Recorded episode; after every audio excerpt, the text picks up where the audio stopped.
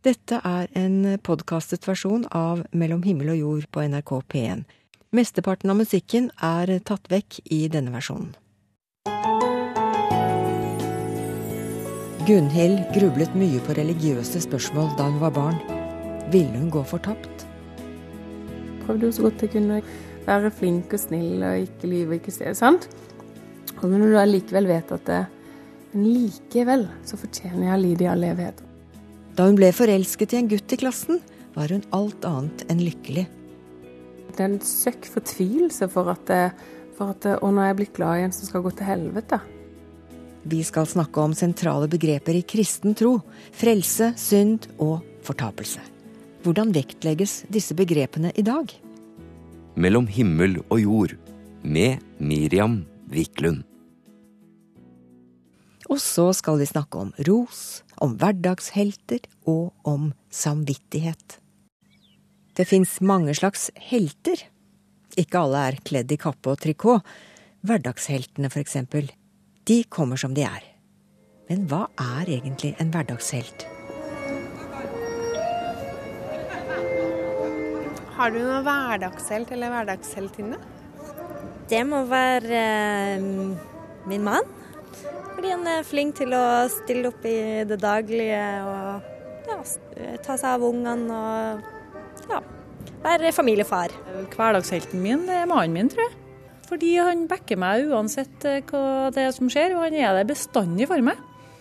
Og uansett om jeg er opp eller ned, så er han stabil. Har du noen hverdagshelt eller heltinne? Nei, ikke som jeg kommer på i farten. det. Har du en hverdagshelt? Kanskje hvis du tenker godt etter, uten kappe og trikot. Men hva skal til da for å bli definert som en hverdagshelt? En god gjerning, da, kanskje. Eh, hjelp noen andre. Eh, Det er vel det at man eh, tør å utfordre det som er eh, de vanlige normene i livet, og gjøre noe som eh, Der man risikerer noe, og ikke bare lever i den trygge hverdagen. Og under den definisjonen havner mange yrkesgrupper. Men jeg tenker spesielt på ei gruppe. De som går inn når vi andre springer ut.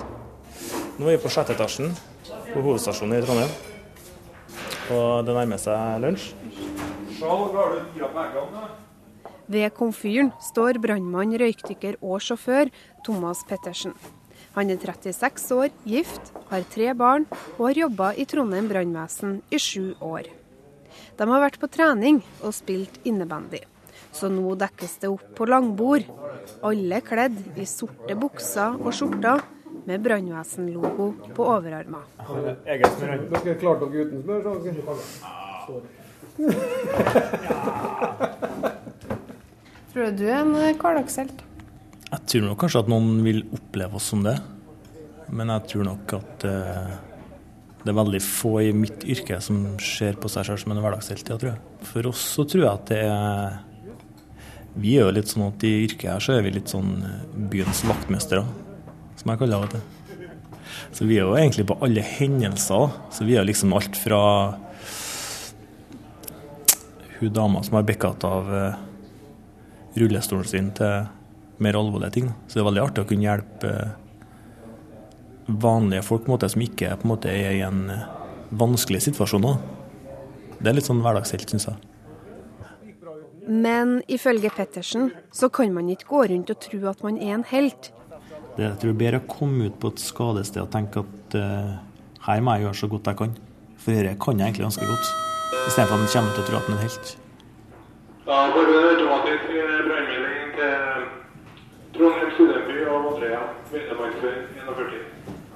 11 og 13. Ja. Med det? Alle slipper det de har i hendene, Spring springer ned til bilene, klar til kamp.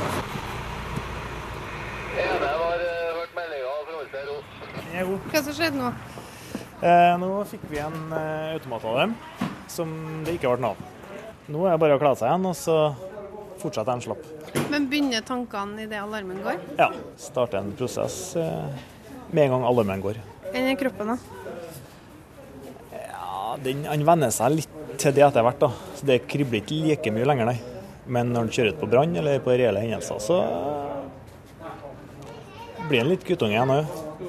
Det er jo litt fart og spenning og blålys og kjøre fort i byen og Ja, folk venter jo på oss når vi kommer frem. Ja, nettopp. Det er folk som er i nød, som venter på den gule bilen, med menn og kvinner klare til å gjøre en jobb. Og det må da være en helt? Med mot og vilje, slik definisjonen tilsier. Men kanskje er det at følelsen av maktesløshet også er en del av hverdagen. Ja, vi, jeg husker godt vi var Eller det har jo vært noen hendelser. Eh, jeg husker annet vi var på den eh, Det var en brukollaps inne på Leangen en sommer her, om det var i fjor eller forfjor, husker ikke. Eh, det er en litt sånn maktesløs følelse, kanskje. Kommer frem dit, og vi var første bil frem. Eh, og først så antas at det er folk da, under den eh, brua, eller den, den betongmassen. Og det viser seg at det er det, og da han, han skjønner litt fort hvordan det kanskje går, da. Eh, så det er litt sånn Det er en krevende oppgave når han føler at han ikke Dette rår ikke over, da. Så da Det kan være litt utfordrende. Kan. Men hvilke tanker svirrer da når du vet at det er ikke noe håp her? Det en kanskje er litt spent på, er om eh, antall personer, type personer, som er i hendelsen. Det er en ting jeg tenker gjennom. Litt i forhold til hva skal han forberede seg på å finne. Eh, at eh, personen er død, det er jo selvfølgelig tragisk, men eh, det venner han seg litt til yrket her. Altså, at den, eh, det rår ikke han helt over. Så Ny alarm. En person har havna i sjøen. Skal jeg bli med?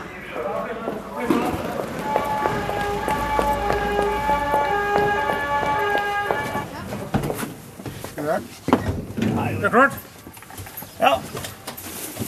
Thomas tar på seg dykkerutstyret. Han sitter og ser i gulvet. Det er en merkelig stemning i bilen. Vi suser av gårde med blålysene på.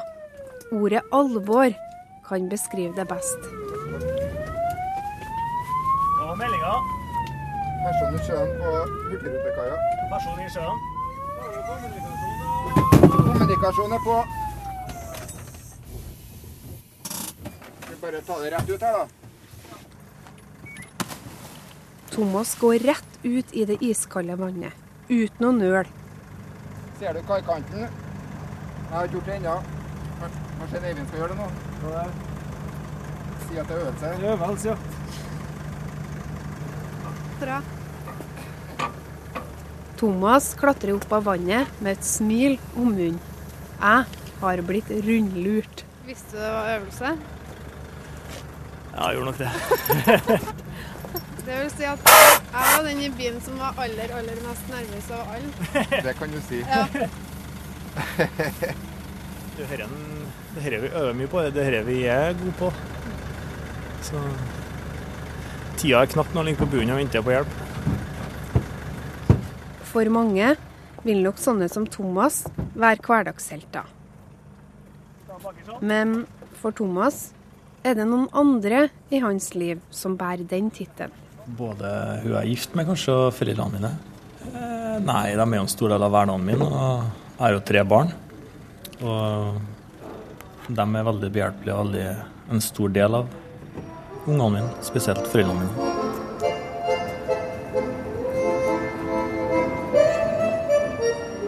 For det er nok enklere å skryte av andre enn seg sjøl.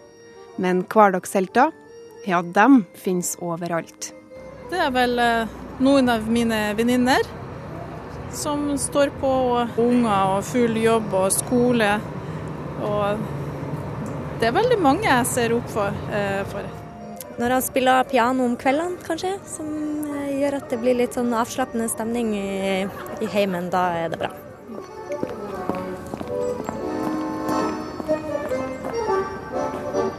Reporter i denne saken var Kaja Kristin Næss. Jeg gir aldri til eh, romfolk som sitter på gata.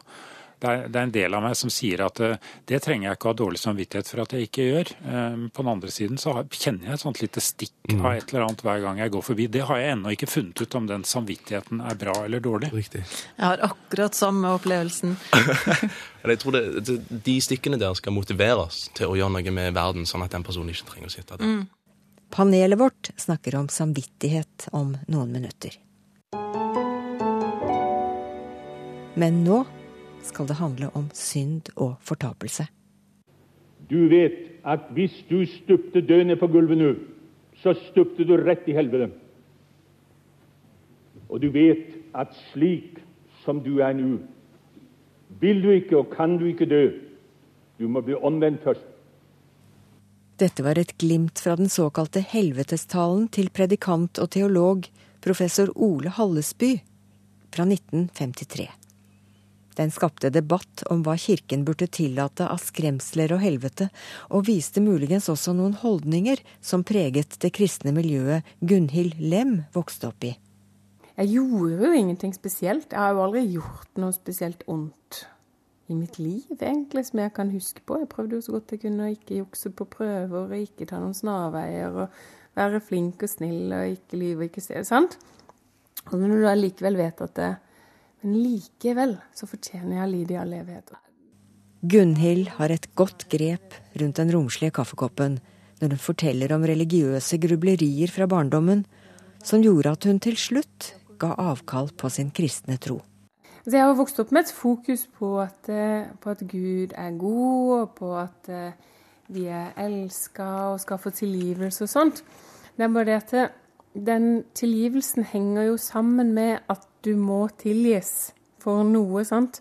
Hvis ikke det hadde vært for Guds uendelige nåde som er villig til å tilgi oss at vi er så forferdelig fæle som det vi er, um, så skjønner du at det, den kontrasten At det ligger noe der som, som er så, så, mørkt og så ondt og så farlig at det må veies opp med en sånn voldsom kjærlighet. Den, den der, det, å, det, å, leve med akkurat det, og, og vite at, at det, det, er noe så, så helt forferdelig galt med meg, at egentlig så fortjener jeg helvete i all evighet. Gi deg nå Gud i vold, og ta oppgjøret med ham i dag, og ta så i morgen oppgjøret med dine venner. Og si dem at dine synder er blitt deg så uutholdelige så du ikke kan leve uten syndernes forlatelse. Jeg har alltid hatt dårlig samvittighet for absolutt alt, jeg. Ja. Um, jeg får ikke elske Gud nok. Får ikke bry meg nok. Får ikke å være be nok. Ikke, altså, jeg, var, jeg sto ofte opp klokka seks om morgenen. Jeg var ofte innom kirka på vei til skolen. Jeg leste Bibelen. Jeg var den som organiserte bønnemøter. Jeg holdt på med en masse, men det var, det var aldri nok. Sant? Det blir som, det blir som altså, Jo høyere du setter kravene, jo mindre skal til for å ikke nå det. Tenkte du som barn om de andre som ikke trodde som deg, at de kom til å gå fortapt? Ja. Ja, jeg gjorde jo det. Og det, det jeg, synes, jeg, har lest litt i min, min dagbok, f.eks. fra tenårene, og det er jo veldig veldig sørgelig lesning. Så når jeg blir forelska i en gutt i klassen, så er det ikke sånn, det er ikke sånn, sånn lykke og vil han se på meg alt. Det er, det er en søkk fortvilelse for at, det, for at Og nå er jeg blitt glad i en som skal gå til helvete. Det er jo forferdelig. så da ble du ikke sammen med ham, da? Eller? Nei, altså det var jo flere grunner til det, da, men Men likevel, altså når det på en måte er fokus at, at Man er så redd for at folk skal gå fortapt. Man er så redd for Og, og, og altså primæret er liksom ikke, ikke om han skal synes at jeg er søt, det er om jeg skal klare å fortelle han at han må vende om og bli kristen. Det var det primære for ja, deg? Ja. Hva skjedde da du brøt med dette her, da? Hva bygget seg opp i deg som gjorde at du våget å ta den beslutningen? Eh, til slutt så Jeg vet ikke om det var mot, eller om det var rett og slett en, mer en følelse av at det, det bare falt sammen. Det var, var, en fortvilelse som ble fulgt av en, en tomhet over lengre tid. Og med den tomheten Etter hvert så ble den tomheten til en lettelse. Det ble en lettelse over at det er ingen som ser hva jeg føler. Det er ingen som kan, ingen som kan dømme meg for å ha følt noe eller for å ha tenkt noe. Og det var en lettelse. Det er gått 18 år siden Gunhild brøt med sin barnetro. Da skuespiller Ragnhild Sølvberg var gjest hos oss for noen uker siden, fortalte hun om en annerledes holdning i kirken til synd og fortapelse enn hva Gunhild erfarte i sin barndom. Vi koster på oss et ørlite gjenhør fra der hun forteller om presten som gjorde så sterkt inntrykk på henne under en gudstjeneste i Nidarosdomen for ikke så lenge siden. En som jeg er veldig glad i, gikk gjennom domkirken, Nidaros domkirke, og hvisket, ikke fra prekestolen, men nedover, benkeraden og sa 'glem aldri kjærligheten'. Og det var musestille i kirken. Det var fantastisk. Og sånn er veldig mange av de jeg foretrekker å lytte til, da. Ingen prester som står og snakker om sånne av de mørke sidene. Nei, det er bare det positive. Bare det gode. Hele tiden. Jeg tar turen til Det teologiske menighetsfakultetet i Oslo og banker på døra til professor Jan Olav Henriksen. Jeg vil vite om det er riktig, slik Ragnhild Sølvberg sier, at prester flest har sluttet å snakke om synd og fortapelse i kirken? Eh, ikke helt.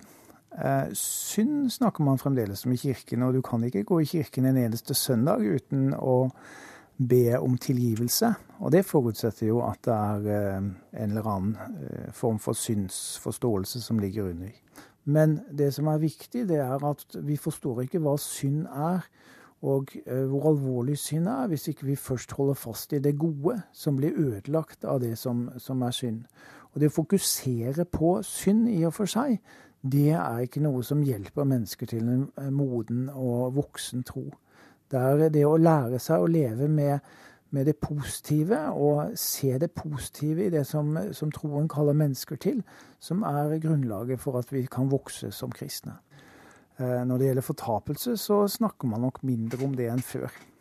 Hvis man skal snakke om fortapelse, så må det være innenfor noen rammer som gjør at man forstår at det går an å bruke livet sitt feil, og at eh, det går noe tapt. Å ja. Bruke livet sitt feil? Ja. Vi kan um, gjøre det på mange måter. Altså Man kan f.eks. Uh, være for opptatt av seg selv. Luther sier at uh, en synder det er en som er innkrøkt i seg selv. Som bare er opptatt av seg selv. Og Det er ganske interessant å se når vi snakker om dette med dom og fortapelse og sånn. Hvis en leser den store domscenen i Matteusevangeliet, så er Eh, det vi ser, det er at de som da kommer under en negativ dom til sist, det er dem som ikke vil ha fellesskap med andre eller ha øyne for andre, men som bare sentrerer om seg selv og hva de har gjort. Er vi født syndige? Vi er eh, født som mennesker som har to ting i oss på en gang.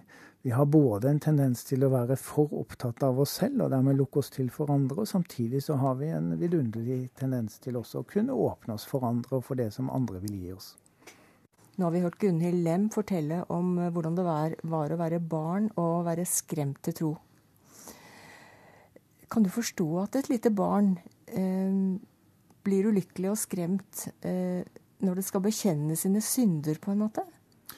Det forstår jeg veldig godt. Og jeg syns jo det er veldig trist å høre sånne historier. Jeg syns det er trist å høre at slike ting eh, fremdeles eh, er en del av menneskers eh, møte med kristen tro. Um, jeg tenker det er et veldig stort ansvar de menneskene bærer, som på en måte binder menneskers forståelse av hva kristen tro er, til slike negative og fryktskapende forestillinger. For det det i virkeligheten gjør på lang sikt, det er å føre mennesker bort fra en sunn og god kristen tro, og ikke på noen måte inn i den. Tilbake til Gunhild Lem og hennes barndom. Hvis fokuset hadde vært et annet? Hvis det ikke hadde vært eh, lagt så stor vekt på synd og fortapelse og helvete, ville hun ha beholdt religionen sin da? det er helt umulig å vite. Det kan godt hende at, eh, at jeg hadde kommet fram til at jeg ikke tror dette eh, stemmer likevel. Men eh, det kan også godt hende at jeg ikke ville fått i hvert fall det, det sterke bruddet som jeg fikk. Som, for jeg har jo hatt veldig sånn emosjonelt brudd. Hvis jeg har vært veldig redd for Gud. Selv etter at jeg slutta å tro at han vant, så har jeg det for hva vis. Bare tenk om. Tenk om eh, Ja, tenk om jeg nå kommer til helvete. Tenk om eh, Tenk, tenk på barna mine, sånne ting. Det er jo Det er voldsomme perspektiver. Så fortsatt er det en liten trussel langt baki der? Ja, det er jo det. En, en litt sånn følelsesmessig trussel. Jeg, tenker at det, det, å bli traumatisert Og det mener jeg at jeg har blitt, da. Det gjør noe med, med reaksjonsmønstre og følelsesmåter eh, som, som, på en måte overstyrer logikken og overstyrer rasjonaliteten i veldig mange sammenhenger. Eh, sånn at eh, når jeg sier at den frykten fremdeles ligger der, så er det ikke, er ikke en rasjonell frykt. Det er ikke sånn at eh, en del av meg fortsatt tror. Det er sånn at følelsene mine reagerer som om jeg tror. Før så kunne jeg jo si at jeg tror på Gud, og jeg tror på at Jesus døde for mine synder. Så har man sånne, sånne, enkle setninger på det. Jeg har ikke noen enkle setninger på hvordan verden er skrudd sammen. Jeg tror på the big bang, jeg tror på forskning. Jeg tror at uh, dessverre, når vi dør, så er det slutt. Det er det. Jeg skulle gjerne ha trodd at um, vi alle møtes igjen etterpå. Men det gjør jeg ikke. Mellom himmel og jord i NRK P1. Vi er sultefòra på ros. Når jeg spør folk hvor mange ganger fikk du ros i forrige uke, du da, så må de tenke seg om. Og så kommer tårene, ikke sant. Og så spør jeg ja, hvor mange ganger ga du ros, da? Og da blir det litt ille til mote òg. Du treffer snart tidligere Rosenborg-trener Bjørn Hansen, som altså syns at vi kan bli flinkere til å gi hverandre ros for å forsterke det gode i oss alle. Tre kloke hoder legges i bløtt i dette øyeblikk, for det dreier seg om å snu og vende på ord her imellom himmel og jord. Så får vi se da om vi har skjønt noe mer av dette ordet om noen minutter. Panelet. Jeg heter Arnfinn Christensen, jeg er forskningsjournalist i nettstedet forskning.no, hvor jobben min er å være profesjonelt nysgjerrig og skrive om eh, alt fra det minste minste til det nesten uendelig store. Og jeg er vel det jeg kaller meg selv en udogmatisk kristen. Ja, jeg heter Pernille Nylén. Jeg er lege. Glad i å lese. Det er liksom det jeg alltid har holdt på med. Eh, livssyn så er jeg mm, Jeg vil ikke engang kalle meg ateist. Jeg er på en måte areligiøs. Det er, religion har aldri vært noe tema i mitt liv. Um, og jeg har absolutt ingenting imot andre, eller mot religioner eller religiøse, så lenge de oppfører seg fint. Hallo, jeg heter Zack Livsey. Jeg eh, liker å tilbringe tid sammen med ungdom som er yngre enn meg, og jeg er bahai. Ordet i dag er samvittighet. Jeg tenker f.eks. helt konkret sånn, jeg gir aldri til eh, romfolk som sitter på gata. Og så tenker jeg, hvorfor gjør jeg ikke det? Mm. Skulle jeg begynt å gjøre det? Det er, en del av meg som sier at eh, det trenger jeg ikke ha dårlig samvittighet for at jeg ikke gjør. Ehm, på den andre siden så kjenner jeg et sånt lite stikk mm. av et eller annet hver gang jeg går forbi. Det har jeg ennå ikke funnet ut om den samvittigheten er bra eller dårlig. Riktig. Jeg har akkurat samme opplevelsen. Men, ja. men så har jeg det sånn at øh, hvis de har et eller annet å by på, som det er et blad, eller om det var strikka en liten vott, eller noe sånt, da er det liksom mer OK. Det blir kanskje veldig sånn strengt at ja, du får jobbe litt for det. Ja, ikke sant? Men de som bare sitter med en, med en sånn uh, kaffekopp foran seg og ser liten ut uh, Ja, men, men det, det, er ubehagelig. Det er akkurat som sier uh, Arnfinn at liksom Hvorfor er sånn? Men, men, det er liksom denne vevingen ikke sant, av, ja. av vårt mønster, ja. på en måte. Og at hvis vi, hvis vi holder den personen fra å veve sitt mønster Nettopp ja. fordi at vi støtter den personen i å fortsette med noe som ikke hjelper den å bidra til å kreve et mønster. Ja, At den ikke engang prøver å Riktig. veve bitte litt. Riktig. Men, men, i norsk ordbok så står uh, samvittighet beskrevet på den måten her. Mm. Organet for ens følelse av hva som er moralsk riktig. Det høres jo nesten ut som en kjertel eller noe sånt. det her. Jeg tenker at samvittighet er en blanding av gammel, gamle holdninger og fordommer som du har arvet uh, gjennom oppdragelsen av foreldrene dine. Mye av det er du ikke eh, bevisst på, rett og slett. Og det kan være litt skummelt. Så har du også den delen av samvittigheten som jeg tenker er det, som du sier, et finstemt organ som prøver hele tiden å føle hva er godt, hva er livsbejaende, hva er bra og hva er ødeleggende. Og der kommer kanskje litt gudstroen min inn, at jeg tror at eh, vi har følere ute mot noe som er større enn oss, som også gir oss tilbakemeldinger hele tiden på hva som er godt og riktig. Men det er viktig å kvitte seg med det der gamle, ha loftsopprydninger på alt det der gamle skrapet du har arvet som du ikke er klar over av foreldrene dine. Men sier du nå at eh, det er en del av samvittigheten som ikke kommer fra oppdragelse? Ja, jeg, jeg tror det. Eh, Jeg tror faktisk at vi fra fødselen er utstyrt med en slags sensitivitet, en følsomhet mot verden, som gjør at vi uansett, bare vi får møte verden, vil komme, eh, få følelser av hva som er bra og dårlig. Akkurat som vi selvfølgelig har nerver som føler smerte på den ene siden, og gode, gode følelser for det som er bra for kroppen vår på den andre siden. På en enda mer avansert og mer sammensatt og kompleks måte, så tror jeg det. Og Det kan du godt kalle kontakt med Gud. Det er min måte å si det på. Det er et språk for noe som jeg føler er veldig stort og veldig flott.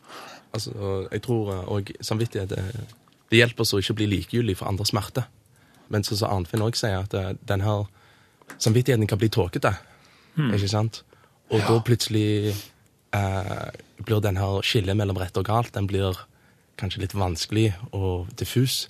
Og etter hvert, liksom, og det her kan skje gjennom f.eks. baksnakking og sladder og sånne ting, hvor du er i et miljø der mennesker påvirker dine, hva skal jeg si, dine verdivalg, så gjør til slutt at det, du vet egentlig ikke hva rett og galt. Mm. Og det, altså, det største skrekkeksempelet på det er kanskje liksom, folkemord, Ja. sant? som starter jo egentlig med ord.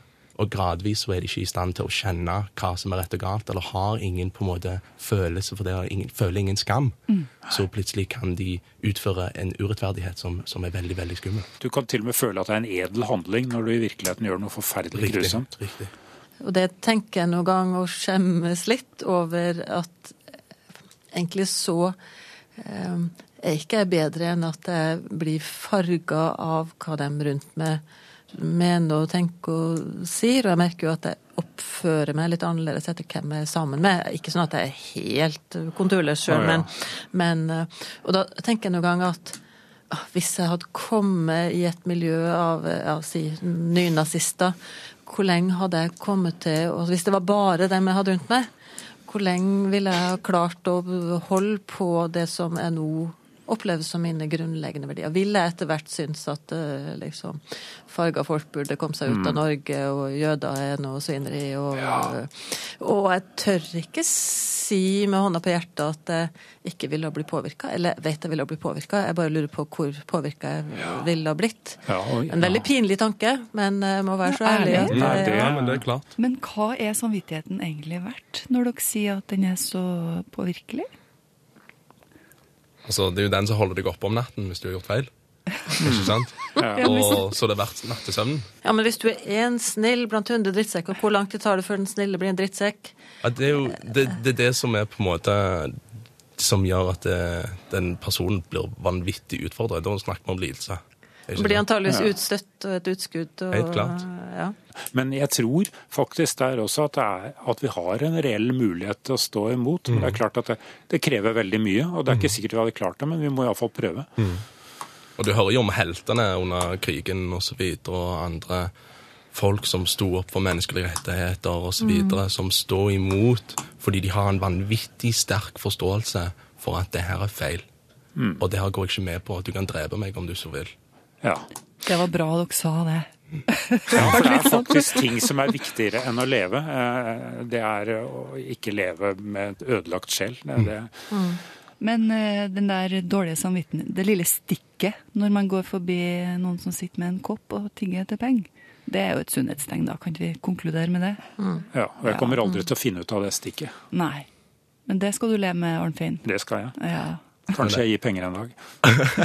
Jeg tror det, det, De stikkene der skal motiveres til å gjøre noe med verden, sånn at den personen ikke trenger å sitte der. Mm, ja. jeg, jeg tror det, det er den type tankegangen. Ja. At vi på en måte, når vi ser at eh, folk har det vondt andre plasser i verden, og vi har det ganske godt her hjemme, kanskje vi kan finne på en måte å strukturere økonomien på, eller et eller annet. Altså på en måte vår tid på, sånn at vi kan, vi kan støtte de som har det vanskelig, sånn at eh, vi kan løfte andre opp. Så spørs det da om ordkløyverne våre har justert samvittigheten sin etter eget behag når de passerer tiggere uten å gi bort noe, eller om de kan stole på at samvittigheten er et godt styringsverktøy der de går. Vanskelig sak, syns Pernille Nylén, Zack Livsey og Arnfinn Christensen.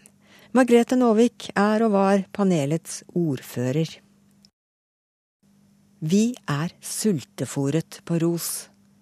Det mener den tidligere Rosenborg-treneren Bjørn Hansen. Han syns vi kan bli enda flinkere til å snakke hverandre opp. Ja, for når skrøt du av en venn eller en bekjent sist? Mens du tenker litt over det, kan vi høre hva folk på gata i Trondheim har å si om den saken. Når ga du noen ros sist gang? Kanskje jeg husker, tror jeg. Hva med du, da? Nei, jeg vet ikke om jeg noen gang har gjort det. Jeg kan i hvert fall ikke huske det. Nei. Men uh, syns du det er vanskelig å gi ros? Litt. Hva med du, da? Syns du det er vanskelig å gi ros? Ja, egentlig. De unge mennene jeg møter på gata i Trondheim, har ingen forklaring på hvorfor de syns det er så vanskelig å gi ros til venner og kjente, men de innrømmer at det er stas når de sjøl får ros. Det er gøy, det. Altså, Det er jo sjelden jeg får ros. Jeg husker jo ikke så veldig godt hvordan det er. da. Men eh, det er gøy når du får det. Ja. Men skulle du yngste fikk mer ros? Ja. Ja, vi er dårlige til å gi ros, altså. Veldig dårlige. Men vi er ganske gode til å se etter feil og finne feil, og så bruker vi feilen i tilbakemeldingene. Mm. Og det blir for meg helt feil. Det sier Bjørn Hansen, som på 90-tallet leda Rosenborg inn i gullalderen i lag med Nils Arne Eggen. I dag trener han et eh, fjerdedivisjonslag. I tillegg brenner Bjørn for å snakke om ros. Ros det er en døråpner inn mot mennesket, inn mot mottakeren. Det åpner for Altså ros åpner for eh, å, kom, å slippe til hos utøveren. Fordi at eh, ros er nemlig det å bry seg. Det å anerkjenne. Det å vise at vedkommende er likeverdig. At jeg verdsetter den. Da får du den gjensidige tilliten. Og det er så litt skummelt kanskje, det, men gjensidig tillit, det betyr at vi legger vår skjebne i hverandres hender, på en måte. Slik at hvis jeg da altså greier å holde den rosen gående, så forsterkes tilliten. Og når tillit forsterkes, så kommer tilhørigheten, anerkjennelsen. Og da vokser motivasjonen og sjøltilliten. Men eh, hvorfor tror du at vi er så dårlige på å gi hverandre gode tilbakemeldinger? Nei, det er ikke kultur på å gi ros. Janteloven? Ja, riktig. Må ikke tro at du er noen ting. Men rosen, eh, hvis du får ros, og du har gjort en god handling, så fortjener du ros. Og du har lov til å være stolt over det du har gjort bra, men det er ikke skole for det i Norge, altså. Vi er sultefòra på ros. Når jeg spør folk hvor mange ganger fikk du ros i forrige uke, du da, så må de tenke seg om. Og så kommer tårene, ikke sant. Og så spør jeg ja, hvor mange ganger ga du ros, da? Og da blir det litt ille til mote òg. Bjørn Hansen er tilhenger av ros framfor ris. Han mener at ros er en form for tilbakemelding som forsterker de gode handlingene i mennesket. Men for at ros skal være fruktbart, må det kjøreregler til. Ja, jeg har noen kjøreregler, ja. Og jeg har sterk tro på dem òg. Først og fremst spesifikk. Man går på handlinger. Mm. Det å være konkret istedenfor å si at det, ja, det er bra handling. Du skal gå på Ja, selve handlingen. Nettopp. Og det går an å gi altså Det er noe som heter enkel feedback.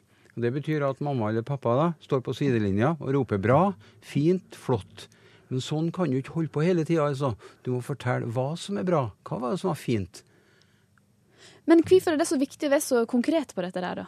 Jo, for eh, hvis ikke du er konkret, så gir det ikke noe mening for ungene. Det kan gi mening, gi motivasjon. Eh, første to gangene jeg roper bra og fint, men det tar ikke lang tid for ungene å våkne dem. For at de begynner å, eh, å undres på ja, hva var det egentlig som var så bra, da? Ja, Da må vi sette navn på det. Og når du gir ros, prøv å unngå å ta forbehold. Rosenborg vant jo en del fotballkamper i steinalderen da, for noen år tilbake. Også Nils Arne Eggen og jeg, som jobba sammen i 20 år, vi hadde samtaler oss imellom. Så kom, sa en av oss at eh, du Bjørn, du Nils, nå må vi være litt forsiktig. Hvis vi fortsetter å rose nå, så tar spillerne av. De tror de det, altså, de vokser opp, treet vokser opp i himmelen.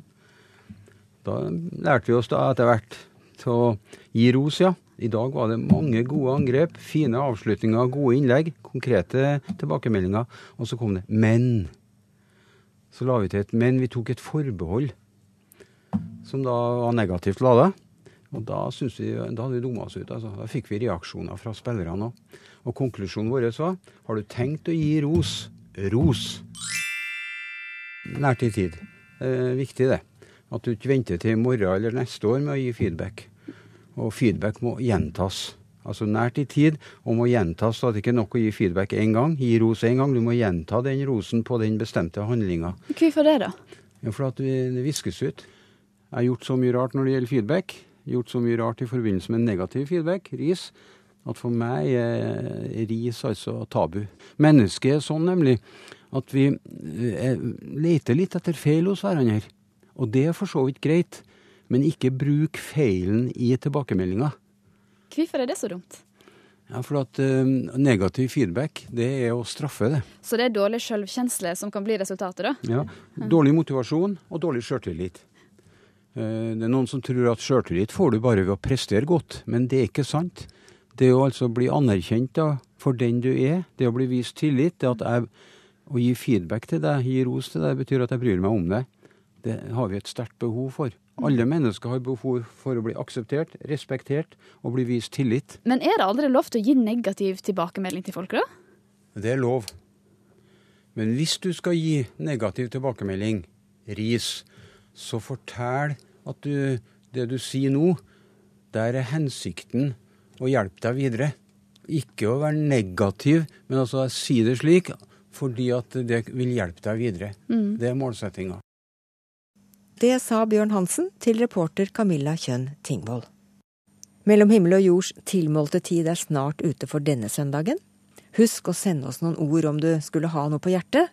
E-postadressen er Himmel og jord, krøllalfa, nrk.no. eller vanlig postadresse. Mellom himmel og jord, NRK 7005 Trondheim. Og så minner vi om at du kan høre programmet om igjen via radio nrk.no. Eller slå på DAB-radioen i kveld klokka 21.03 og lytte på P1 pluss. Da kommer det i reprise. Jeg heter Miriam Wiklund. Ha det fint, og på gjenhør om en uke. Mellom himmel og jord. Søndager klokka ti.